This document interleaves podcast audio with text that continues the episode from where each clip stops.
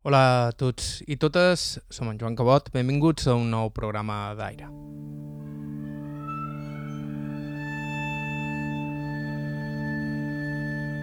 Toni Capellà és d'aquella gent en qui no resulta difícil connectar. De fet, no calen més de dos minuts per sentir-te pròxim a aquest homenet simpàtic i afable, nascut a Campanet el 1933, però que malgrat el seu aspecte inofensiu feia de jove una feina duríssima, arreglar moles de molí.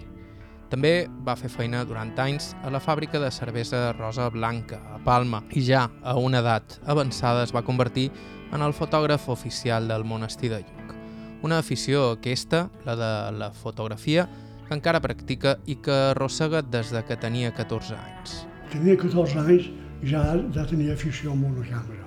I aquell temps no hi havia les càmeres que hi havia Mira, jo vaig comprar safata, vaig comprar, no sé quan la vaig comprar, no ho sé, perquè en aquell temps les pessetes eren cares. Vaig tenir una, una vaig comprar una maquineta que no me'n recordo que em va costar. Petita, un, un caixó de plàstica, un, un objectivet de suixinós, nube, nigulat, pluja i bon sol. Això tot el que tenia. Des de llavors hi ha hagut molts de dies de pluja, molts de dies de nígols i molts de dies de sol, i ara Antoni maneja una càmera digital, però en el seu capet encara conserva els records d'aquella vida sense píxels on tot es feia mà i ell agafava la bicicleta cada setmana des de Palma per tornar els diumenges al seu poble. Segons ell, eren uns 40 o 45 minuts. A mi me continua semblant una proesa i més tenint en compte com devien ser llavors les carreteres. Estau escoltant Aire a IB3 Ràdio, us parla Joan Cabot, començam.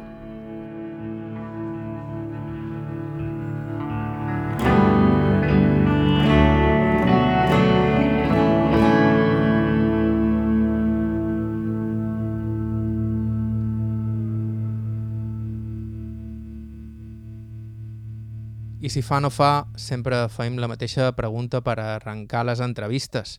Nom complet, lloc de naixement i en quina data va néixer el nostre testimoni. Uh! Això fa molt d'anys, no? Bé, ja.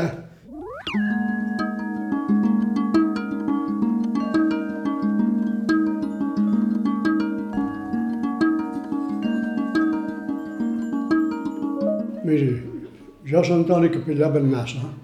Bueno, realment és Bennassa, perquè normalment ben Bennassa. I vaig néixer dia 12 d'octubre de l'any 33. Ara he fet 80 anys. 88. I on vareu néixer? a Campanet. Els meus pares se dedicaven en el camp. O sigui que en aquell temps, en els pobles, la majoria feia, feia feina en el camp. Érem cinc. Allà de cinc homes en cada un. Només que tot jo tot sol. De fet, el dia abans de la nostra entrevista ha mort el darrer dels seus germans, ja molt major. Sobre els seus pares, Antoni els recorda com a bona gent, poc donada al càstig físic, bastant habitual en altres famílies quan ell era petit. En aquell temps, els pares se feien de la més cara. Ara els fills fan el que volen, però antes no. Antes havia d'anar a unes normes de la casa. I quan ton pare xerrava, havia d'escoltar. Els senyors, n'hi havia que tenien la mà molt ligera, però n'hi havia que eren més passius. Jo vaig, vaig tenir sort i vaig caure en una família passiva. O sigui que no. No, no, no. Jo no els vaig veure pegar mai a ningú, a cap. I això que tenia un un poc revolucionari, però no, no, la mà no va arribar mai a, a, a tocar-me cap. Qui era el fill revolucionari? No, això era un germà, el, el, el segon. El primer era Jaume, Sion, Miquel, Antònia i Toni. I deies que teníeu un germà revolucionari per què? Perquè sempre es parlava el contrari de tots. No és que fos cosa de política, perquè política no, en aquell temps no se parlava de política. Tu coneixies el balde del poble i els concejals i Santes Pasques. Ja no hi havia més història. Tampoc hi havia moltes possibilitats d'anar a escola, i més per aquells que varen viure de petits la Guerra Civil. Vaig anar a costura fins a una certa edat, a les monges. Després vaig anar a l'escola pública, que hi havia l'escola pública de, de, de l'Ajuntament. I hi vaig anar bastanta estona. I després, no sé què va passar, però resulta que se va acabar l'escola i vaig anar a a les vespres a casa un germà de Don Lorenzo Rivera. Era un poeta molt famós. I vespres anàvem i m'ordenava classes un germà de Don Llorenç, completament invàlid. Les mans que encara no les podia moure. El cap sempre estava així. No, o sigui, jo xerrava en el param estret. Però era molt bon mestre. I vaig anar, eh, molt, molt em vaig anar a fer feina. Em vaig anar a fer feina, me'n vaig anar a fer feina i, i, i l'escola i s'ha acabat. Dels anys de guerra, Antoni, que llavors tenia 3 anys, en té un record difús, però sí recorda perfectament moltes més anècdotes dels anys de la fam que varen venir just després. Jo he tingut sempre una noció, que jo devia tenir 3 anys, està allà l'any 36, jo devia tenir 3 anys, més o menys. Sempre me'n record que de nostre del poble era camp, no hi havia cases. I a vespres sentia buuuuh en fora. I després, ja més grandet, ja em varen, em varen explicar que aquells sons que jo sentia eren les bombes que bombardejaven el port, port del Cristo. Però en la nit els renaus se senten molt més bé i, i senties l'explosió de les bombes. Però, clar, han passat, han passat molt d'anys. I després, me'n recordo que l'exèrcit feia balsa pels pobles, i pescava la que hi havia, i venien camions carregats de soldats i molt de lío, feien una volta per la plaça i se'n tornaven. I ja no tornaven a veure. Però, sí, això, això jo conec de la guerra. Conec molta fam, perquè hi havia unes coquetes, això era petit, això, unes coquetes que pareixien coques bambes. Pareixien aquestes coquetes que avui en dia tenim en els bars, però eren de maïs. I els aparaves a la boca jo de fa i pareixia que havia que dues per dins la boca. De l'única manera que la podien menjar era torrada. Torrada, que era un poc, molt poc, molt poc més.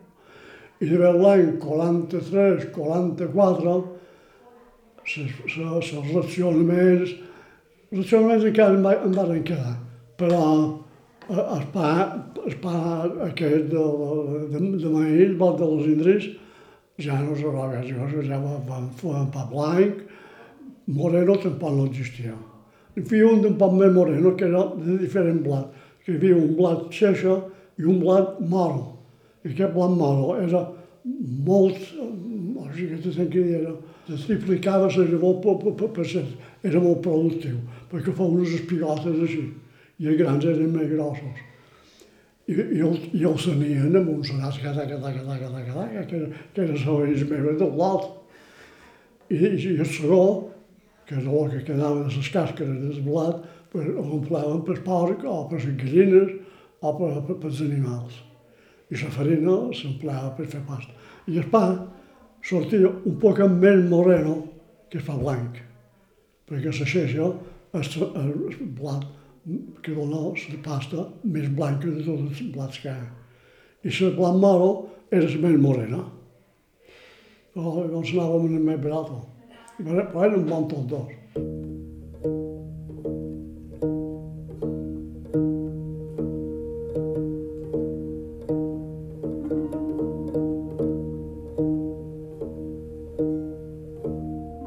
Per sort, però, Campanat era a prop de Sa Poula, que gràcies a les seves marjals va salvar de la fam mitja Mallorca. Eren un pobles sí, que eren molt productius perquè tenien molt, molt d'ors i, i de patates i de tot, però havien d'anar molt alta perquè hi havia la fiscalia de tasses que vigilava i te posava multes i te prenia el que dues. I clar, i anàvem, els germans, jo tenia dos germans que feien feina a la poble.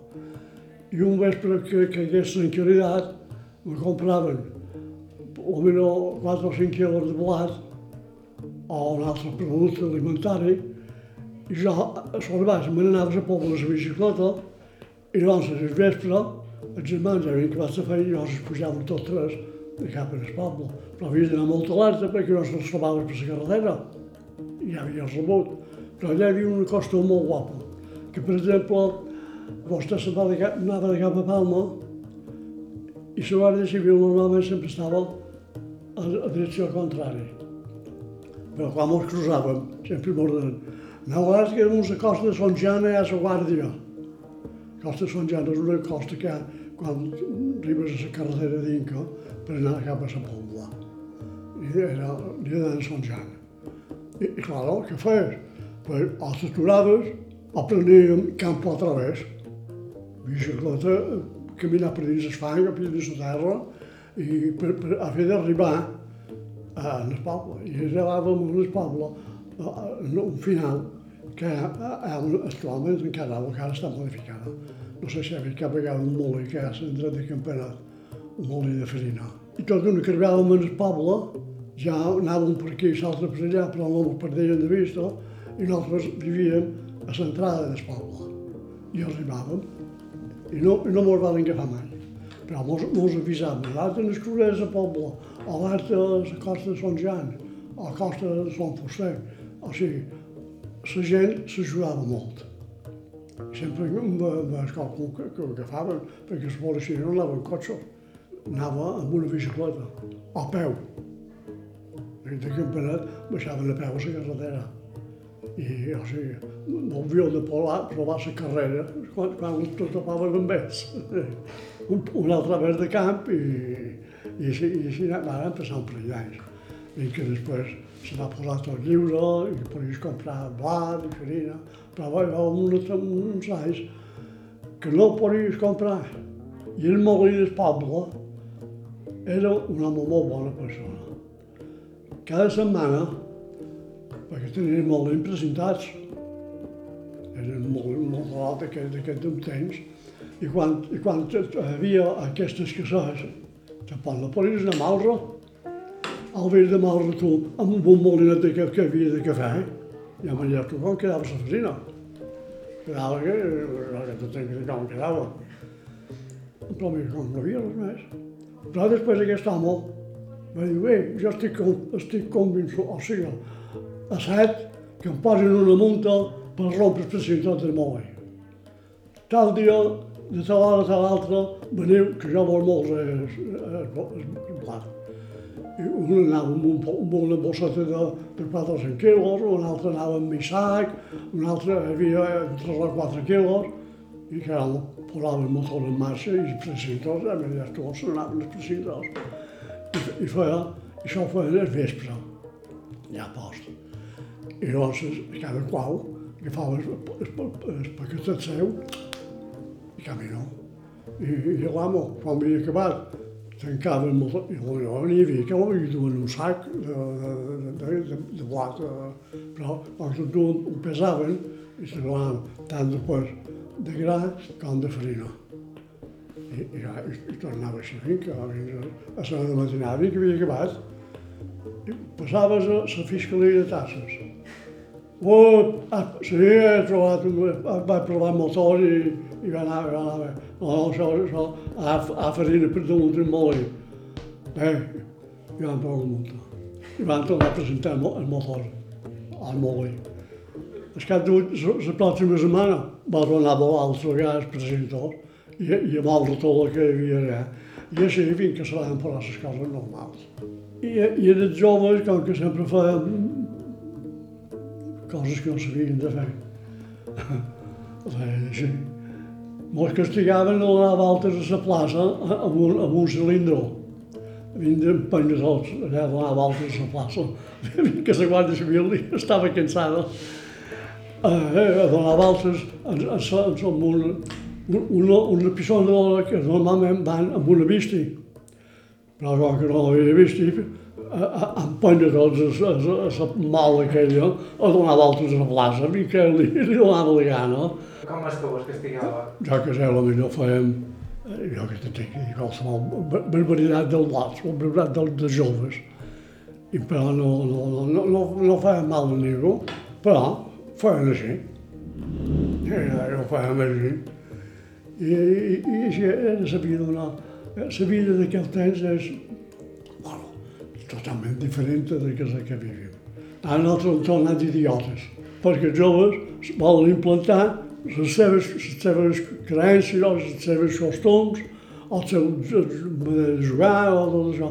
Però els vells, a poc o molt, encara molt surten les coses antigues. De fet, a ell el vendrien a cercar pels seus coneixements sobre molins que va adquirir quan, de ben jove, amb 15 anys, es va posar a fer feina a la pedrera del seu padrí. En uns segons, Antoni Capellà ens ho explica. Estau escoltant aire a IB3 Ràdio, fem una breu pausa i continuem. Hola de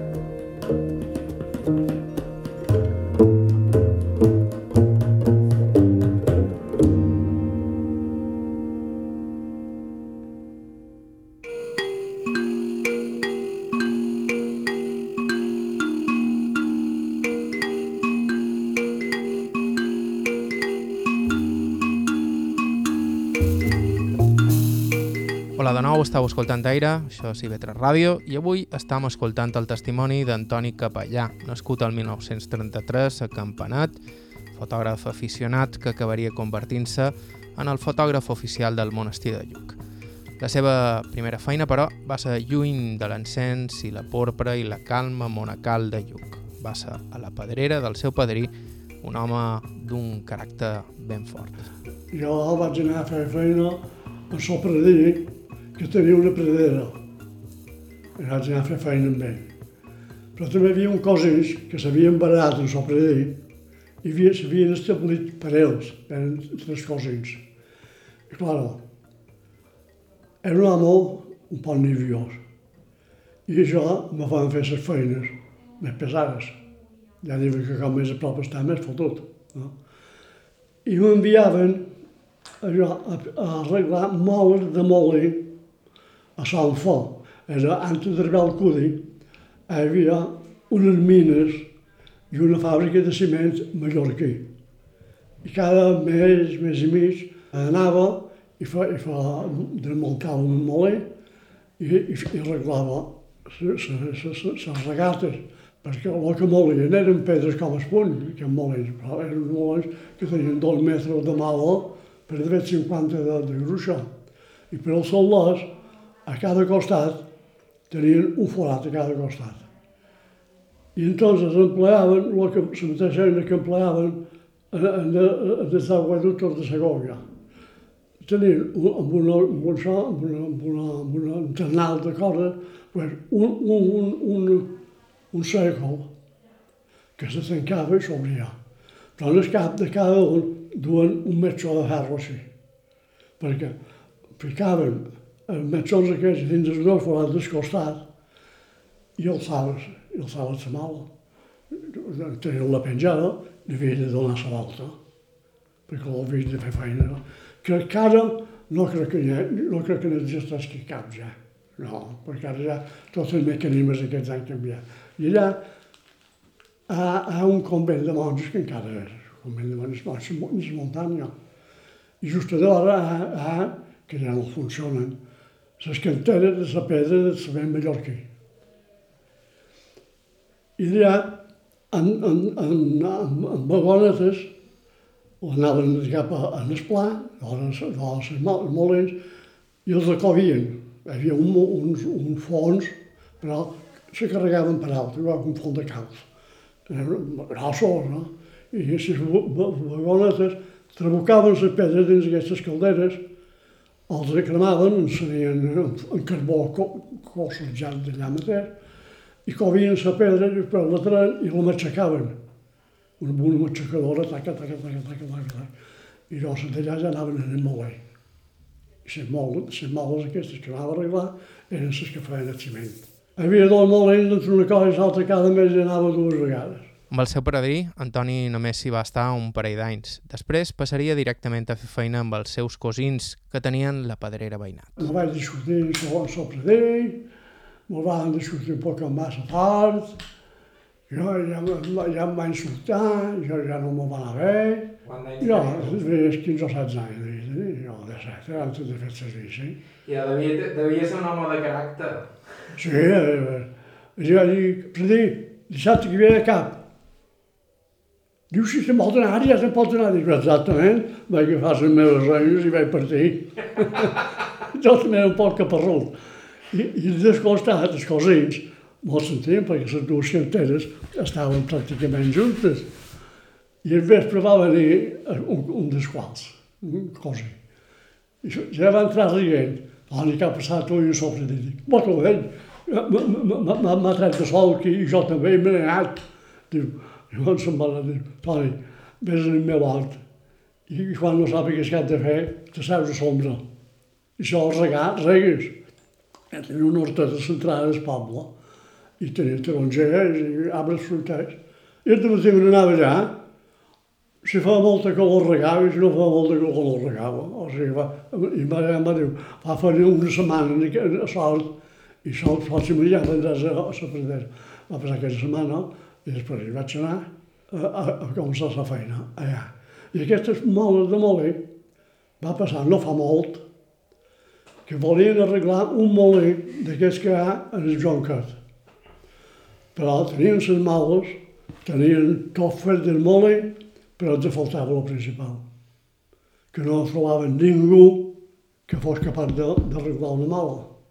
I a través d'un de pel Ho, ho, ho, ho, ho sabia i ja em va avisar un dels ajuntaments, van venir a, a amb jo si podia anar, ja vendré. I vaig arreglar les males del molí. L'únic sensor que hi ha, un dels ensacar, que, que marxa, si, fa, si volen fer això. I el dia que l'inauguraren, dic, perquè jo no me'n mandava, jo no feia feina. Jo me'n mandava, com ho vas de fer com no ho vas de fer. I, i el mestre de... Li vaig dir, fes un bon trampo a la que això és fort, eh? És fort. I quan hi vaig tornar la pròxima setmana em dir, tu ho la Montoni, em va dir que era fort però no pensava mai que fos això. És més fort que ferro. Se menjava les reines com, un, com, com, com, la mantequilla. I ja te vaig dir això. Diu, en dues mal i va fotre de 25 o 30 discos. Cosa que mai, ni això, va amb, amb, amb un punxó. El que havies de tenir era un taco de fusta en defensa de, de, de, dels baixos. Si trepaven a ser massa, quan picava fora, rebentava i que on te tocava jo m'hi han duc, llavors hem de ser dins, dins la cuixa, o que estan encristats, i, i aquí estan, com que no me molesten, no te'n poden anar a secar. I el dia que van inaugurar, em van, em van avisar, em van donar una invitació, i vaig anar, em va agradar molt, perquè va, va haver unes posicions de, de quan hi havia molins que funcionaven amb aigua, no sé què, i funcionaven de son. I després van posar el molí en marxa. El van destralar i, i el molí es va posar a rolar i van fer un sac, un, un sac, no tenia d'altre ja, un sac de, de, de, de blat, mal, mal, eh? i, i, i encara ara està allà. Ja t'ho dic a primer segons, eh, això.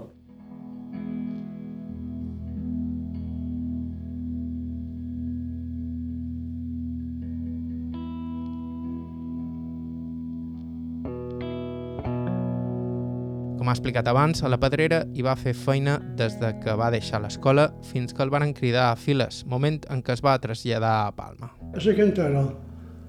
Ja feia 180 on hau, exactament, no, però va, sí. Ja surt on hau, que me'n vaig anar al servici. I on vareu anar al servici? Al servici vaig anar a artilleria 23. Aquesta artilleria que tenien els cavalls de, els cavalls de, de raça en, en, eh, en, en dir de la Reina. Allà tenien a Bòvenes, que, que el nom era Bòvenes. Allà tenien, i feien, feien el sorteig de, quintos, i, i tenien sementals, o sigui, era, era un, allà sortien, o sortia rient o sortia explolant. Jo vaig sortir a Palma. Però n'hi havia que, que, que, que anaven també a Àfrica. I aquests no estaven ja contents d'anar a Àfrica, però el militar era militar. I pràcticament jo me vaig fer 40 dies d'instrucció, perquè després un, un conegut meu me va, era cosa de, de, de, dels reclutes, me va arreglar per, per anar de, de, de, bueno, la feina era anar a cercar papers dels militars. anar a Correus, eh, a l'oficina de mutilat de guerra, que estaven en el carrer a Modaina, un pis. I allà, allà era el meu corte. Només anava en el corte un pic cada mes a cercar subministre per colonel. Sí, una ordenança, pràcticament sí, una ordenança. Hi havia eh, quatre militars, hi havia el colonel, hi havia un capità, i un brigada i un sergent, o sigui, eren quatre o cinc. No eren molt perillosos. Jo sabia que a migdia, oh, quan, quan sortia, el primer tot anava a cercar pa per repartir en el que no podien anar a cercar I després anava a cercar la correspondència i correus. I anava allà. Senyor Carona de Borres, diu, no, diu, no, a veure, a l'una cansat, gent, ah, jo vinc més tard, perquè això va, acabaven a l'una. I de l'una menys quart, jo ja procurava a l'oficina. I de menys deu anava a esperar a l'envia que tenia el final de carrera a davant el portal de l'Ajuntament, de Cort. I ja esperava, com que ja el tramvia se tot, Pues yo entraba, pujava en l'estamia i, me, i agafava un puesto. És que jo sabia que era con realidad, clar, l'estamia tornava a enganxar i quan tenen els cap de cantó, els que eren modaina, s'aturaven per recollir el coronel. També tots eren motivats, no hi havia cap de contra, però mira, era, era molt sol de guerra. I ell, jo, jo davallava i jo pujava, perquè vivia a Genova. I, i vaig estar bé. No sé, que van, van llicenciar la meva quinta i ni, ni me'n vaig enterar, ni ningú m'ho va dir res, perquè cada any, quan, quan sabia això, pues, anava un soldat nou d'ordenança no em van dir res, jo vaig fent dos anys i un mes, perquè després, no, dos mesos, perquè llavors vaig haver de quedar per ensenyar a si havia enviat nou, però ja, ja, ja duia un mes d'això, i jo em vaig enterar perquè mon pare o ma mare me va cridar, diu, Toni, diu, què te passa? Diu, no me passa res, què te passa? Diu, ha vengut la Guàrdia Civil a casa nostra i te donen per desertor. Dic, què parlar, què és això? Oh, no, nosaltres, l'endemà vaig anar a escola, va, tranquil. Acabes aquest mes perquè, per ensenyar l'altre. I després passaré en compte. I em van pagar a dos mesos. Tota la meva que ja estava llicenciada, penso que no fos, no fos bo l'assumpte. No, no m'havia enterat de res. Tampoc és que ningú tingués moltes altres feines. Amb Antoni parlam dels seus divertiments d'aquell temps i tampoc és que hi hagués distraccions molt grans per algú inquiet com ell. Mira, potser anàvem a veure les lotes de Buja, a la Quemari, a la Moscari, i, i d'aquesta manera. O altres aficionaven a jugar en, en, en, el, billar, me jugàvem en el billar, i a triquet, no sé si era que és el triquet, amb una pala de fusta, unes pilotetes així, que si te tocava sortia un bony com el puny, i, i, i així passava el dia. I quan vareu venir a Palma? A Palma no vaig agafar molta, molta d'això, perquè jo el dissabte en la bicicleta me anava al poble. I, i, no sabia d'anar al poble, i llavors el diumenge a la baixa tornàvem a agafar bicicleta i de cap en el corte. Ara, no, serà anar d'altre. I anàveu amb bicicleta des de Palma fins a Campanet? Sí, sí, sí. 40, 40 minuts, 45 minuts, no la meva. Si fa un poc de mal temps, potser plava mitja hora, altres quarts, tres quarts. I de vegades potser un prop d'una hora, segons el temps que feia. I no, agafava la bicicleta i partia, ja no trobava fins a Palma. Jo venia de campionat amb la bicicleta i amb un poc de sort topava dos o tres cotxes com a molt. I, carreter i carreteres de gravilla. Fotis una caiguda que era més pelat que un jou. Aquell camí el va fer cents de vegades perquè després del servei militar, Antoni va quedar a viure a Palma, on després de passar per un parell de feines, acabaria trobant l'estabilitat a la fàbrica de la cervesa Rosa Blanca. Ens en parla en uns segons. Feim una nova pausa, això és Aire a IB3 Ràdio, tornem tot d'una.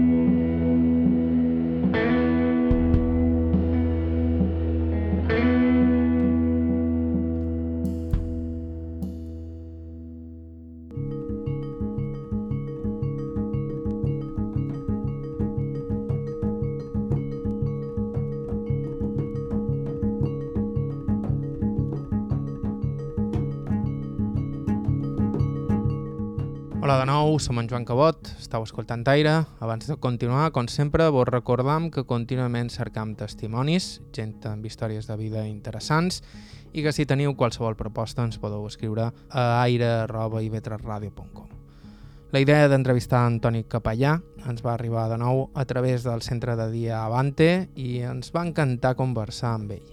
Entre d'altres raons, perquè feia temps que teníem ganes de trobar algú que hagués treballat per Rosa Blanca, la destileria de la que va ser durant anys l'única cervesa que es feia a Mallorca i que recentment ha tornat a sortir al mercat comercialitzada per una altra marca. Antoni va acabar treballant a Rosa Blanca després de passar per diverses feines i un cop acabat el servei militar. Ja no em vaig tornar al poble. El meu germà feia feina una possessió de dalt del cementeri, que és Sant Moix aquí on havia l'antena de, de, de Ràdio Mallorca, dins aquesta finca. I, i, i anava, anava, anava pa a cercar pa, i, i de matí anava un parell d'hores allà, i, i que vaig trobar, vaig trobar un parell de feines, vaig anar a Sosalita, vaig anar en els transports reunits, a, a l'Unió Farmacèutica de, de, de, motor, de motorista, a repartir urgències, molt aguts, eh? eren dos, i quan anaven, l'altre quedava en el magatzem, però només, només servia un medicament d'urgència. I nosaltres anàvem en aquella farmàcia, deixàvem el gènere i me'l tornàvem. I després vaig veure, perquè en el, a, a, a l'Unió Farmacèutica cobrava 90, 900, 900 pessetes. I un company va dir, Toni, va estar igual, no, igual en el meu, el meu cunyat. Ara, si qualcú volgués fer feina, a la Rosa Blanca necessiten gent. Jo on no hi vaig anar, ja vaig quedar, a la fàbrica de cervesa. Saps on és, la fàbrica de cervesa? No, ho sabràs, que jo he fet feina. L'assumpte és que jo ja, ja vaig, vaig, donar el mes i van dir, vale. I vaig anar a la Rosa Blanca i cobrava 419 pessetes cada setmana. Claro, quatre setmanes eren molt més que els 900, 900 pessetes més. I vaig canviar. Vaig començar, vaig començar de, de, de girar caixes i vaig acabar a fer el he fet d'almacén. I, I dins la fàbrica vaig fer de, de, de, de, de, de principiant, vaig fer feina a la, a la, a la fermentació, vaig fer feina a molt de puestos, d'allà dins i després vaig passar de jefe d'oficial primera a la sala de cocció i de la sala de cocció vaig dir al jefe, dic, cagantes, aquí, mi moriré de, de, de color, estàvem, de, ja estàvem 50. I la fàbrica estava a darrere al corte anglès de Jaume III. I a darrere ja per, per, per, per, per corte anglès ja van, ja van agafar un tros de... que corte anglès n'hi havia, no se'n parlava de res, no hi havia res allà. I després van fer unes finques i ja va començar Jaume III. I després va passar que hi havia una, una altra fàbrica de cervesa que era la Prips i era d'estrangers. I tan bona, tan bona van fer la cervesa que, que se van enterrar perquè aquí no estàvem acostumats a veure una cervesa de 13 o 14 graus, o 15, perquè ara està prohibit. Bueno, està prohibit. Han de pagar molt menys imposts. Ara són 13 i mig, 12, per allà, per allà. Vaig dir, què fer?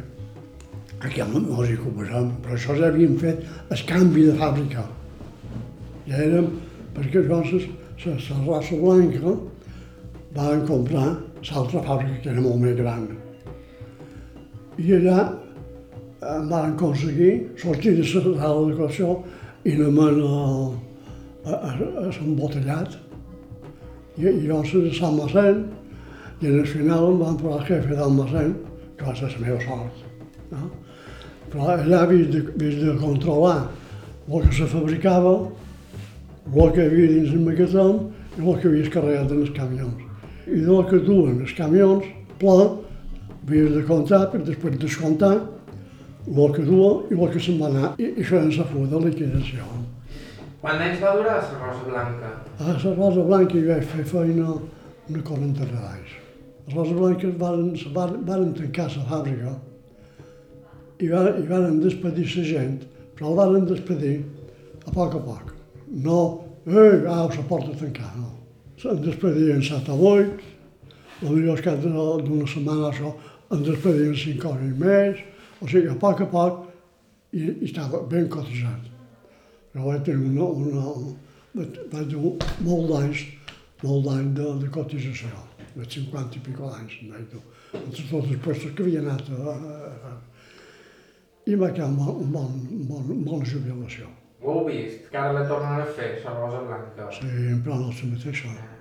No li arriba ni a les sabates. Aquella se fa amb productes, eh, ordi, lúpulo, arròs, alfresina de maïs, tot de, de, de poca.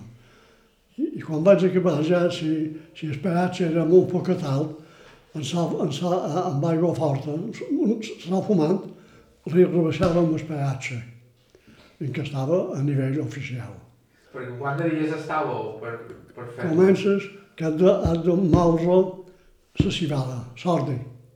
No, la civada, ordi. I, i sordi no feia farina, les trucaves, les trucava, o les cofava.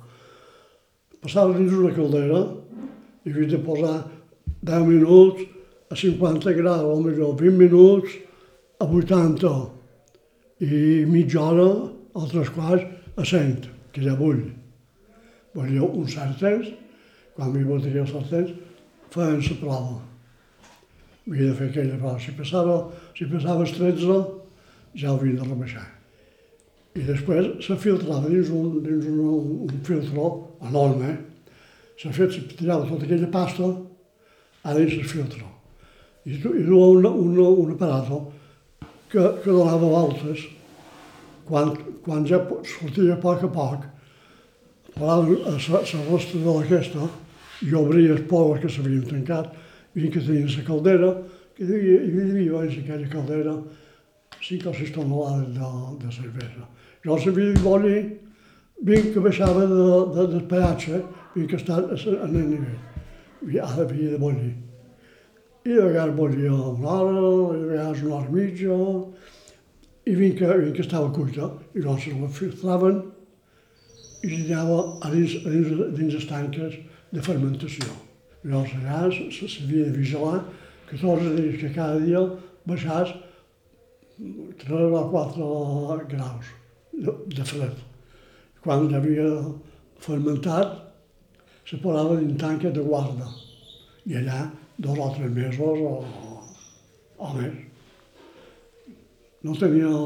Ah, l'estiu, els quatre mesos, els tres mesos, de vegades eren curts, que hi havia molta, molta de zona, però tres mesos com a mínim estaven en, en, en fermentació. Perquè abans, quantes cerveses mallorquines hi havia? No n'hi havia d'altra. Després d'any van fer Saprit, que estava al costat de l'autopista de l'aeroport. Després més en van van fer la fàbrica de la Coca-Cola, més en van. Varen, no se van començar perquè llavors també nosaltres vam fer, vam fabricar Sadam. Allà. I omplien Sadam i la rosa blanca a part. I quin gust tenia la rosa blanca? Una, una cervesa baixeta, baixeta de graus, més suau. Eh? Sadam també era bona, però ja, ja tenia un grau o més i estava molt controlat tot això. Finalment, l'Adam obriria una fàbrica de Santa Coloma, tan gran que el sortiria més barat dur la cervesa des d'allà que no fer-la a Mallorca. I Rosa Blanca desapareixeria durant dècades i fins fa relativament poc. Se va fer una, una superfàbrica que era més rentable dur les caixes que mantenir una fàbrica aquí. Pues, i, i va ser com el van despedir.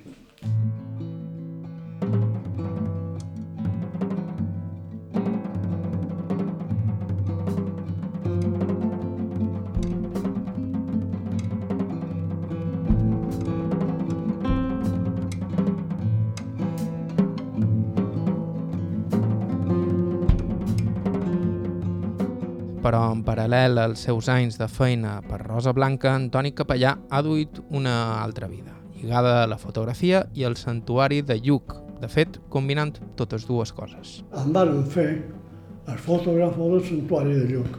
Bueno, jo vaig deixar Lluc ara fa quatre anys, que la dona es va parar malament i, i ja, ja no. Teníem una casa llogada a Lluc, una sola, i anàvem tots els fins de setmana. Estant allà, ja em van dir, Toni, si pot fer, pot fer qualque foto, empleava carreter normal, perquè so, so, les digital no, no, no, no era, encara. Però després de tot això van comprar una digital. I Toni és fotògraf, tu eres fotògraf del santuari, i ja, ja me va quedar. I vaig fer fotos més 42 altres anys. I vaig fer fotos. Perquè feia feina un altre puesto i, i el dissabte, els divendres me n'anàvem i feia les fotos en el santuari. Que si venien Pere, si venien Pau, si venia tal i qual. Com és que vos, com, com vos vareu aficionar a la fotografia? Mira, jo vaig comprar la fata, vaig comprar, no sé com la vaig comprar, no ho sé, perquè en aquell temps les pessetes eren cares. Vaig tenir una, una, vaig comprar una maquineta que no me'n recordo que em va costar. Petita, un caixó de plàstica, un, un objectivet de suixinós, nube, negulat, pluja i bon sol. Això era tot el que tenia, i un disparador. I aquesta màquina empleava carretes de 6 per 9, o sigui, negatius així, més o menys. I vaig tenir, bastant tot, se'm vaig comprar una, una Voigtlander, ja més, més completa, amb flars, tot això. Després d'aquesta, vaig comprar la cara tank, amb un objectiu 29-400, ja no necessitava recanvis de res, perquè amb un 400 pot fer de tot. I, i, i vinc em vinc em vaig retirar. I què suposava ser fotògraf oficial de Lluc? Que, que me suportava. Però mira, que si se me, si se me fotia una bateria l'havia de comprar jo.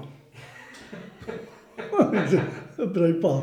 I quan havia fet un reportatge amb un altre capellà que se cuidava de la publicitat, però anàvem i descarregàvem tota la targeta en el seu ordenador. No se classificaven i ja estava. I jo te'n borrava. Eh? I com és que vareu començar a passar els caps de setmana allà? Ho podríeu contar? Oh, L'assumpte és que ahir fa feina la germana i el cunyat. Nosaltres anàvem cada dissabte. És hora baixa, perquè divendres encara fèiem feina. I clar, jo a poc a poc, a poc, a poc vaig anar, vaig anar corregant tots els personatges d'allà. I vinc un moment que va venir un capellà nou i va venir el superior meu, això on és? I ningú va saber on era. I el, i el superior eh, em va dir, si voleu saber, ho vol que, que allà damunt, aquell sap que on, que on se volen les rates i tot. Aquest ho vol dinar, aquell ho sap. Ho sabia tot. Sabia tot del racon del santuari. I vaig dir, sí, van pujar tal al segon pis, de la dreta trobarà tot això. I, i així van anar passant, i van fer, van, van fer missa en les lais, per servir, per servir l'església, i vam estudiar un parell d'anys, i, i vinc que la cosa se va començar a desfer, un perquè no podia, va quedar un, un servei permanent a l'església quan hi havia necessitat però també un se cansava perquè havia de venir d'aquí, perquè havia de venir d'allà, però la cosa va passar. I, i al final van quedar un matrimoni català que hi havia i, no, i jo i. I va quedar que no, les coses se van deixar i vam aplegar i, i bon anàrem. I llavors, un parell d'anys, la dona se va posar malalta i ja no. no. Vam fer per 12 o 12 o 15 viatges per l'estranger i per, per, per dins Espanya vam fer molt, molt, molt de viatges després. Vols sou creient? Sí, creient i practicant.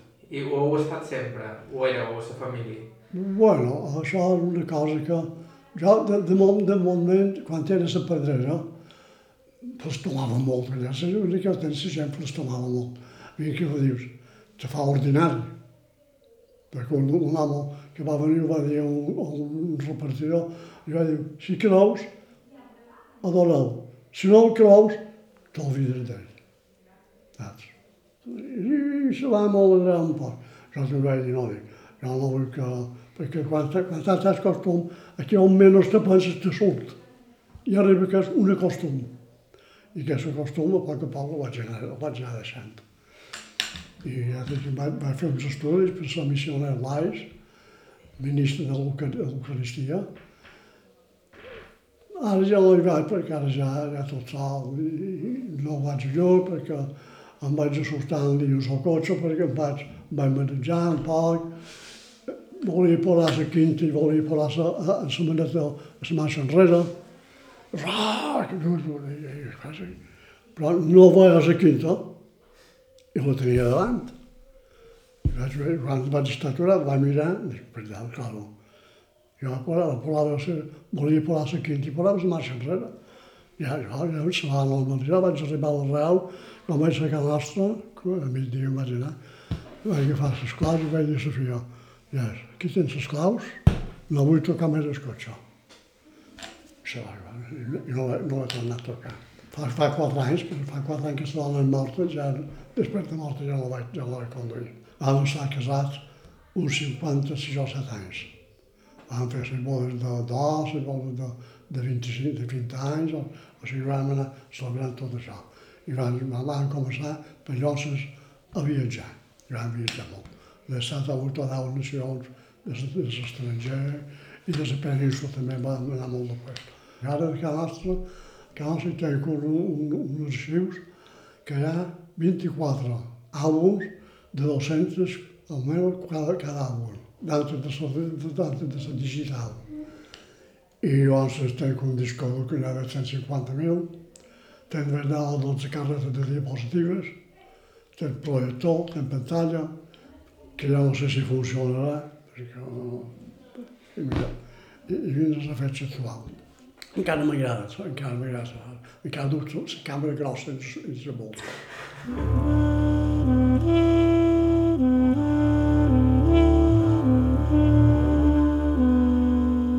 Hem de perdre els bons costums.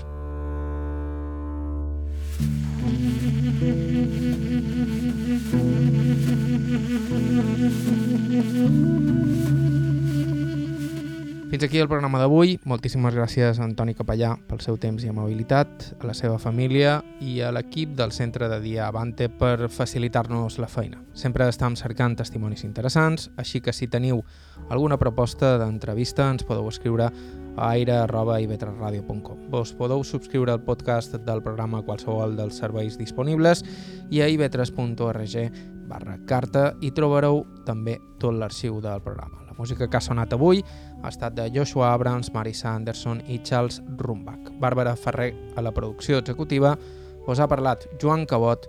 Gràcies per ser a l'altre costat i fins la setmana que ve.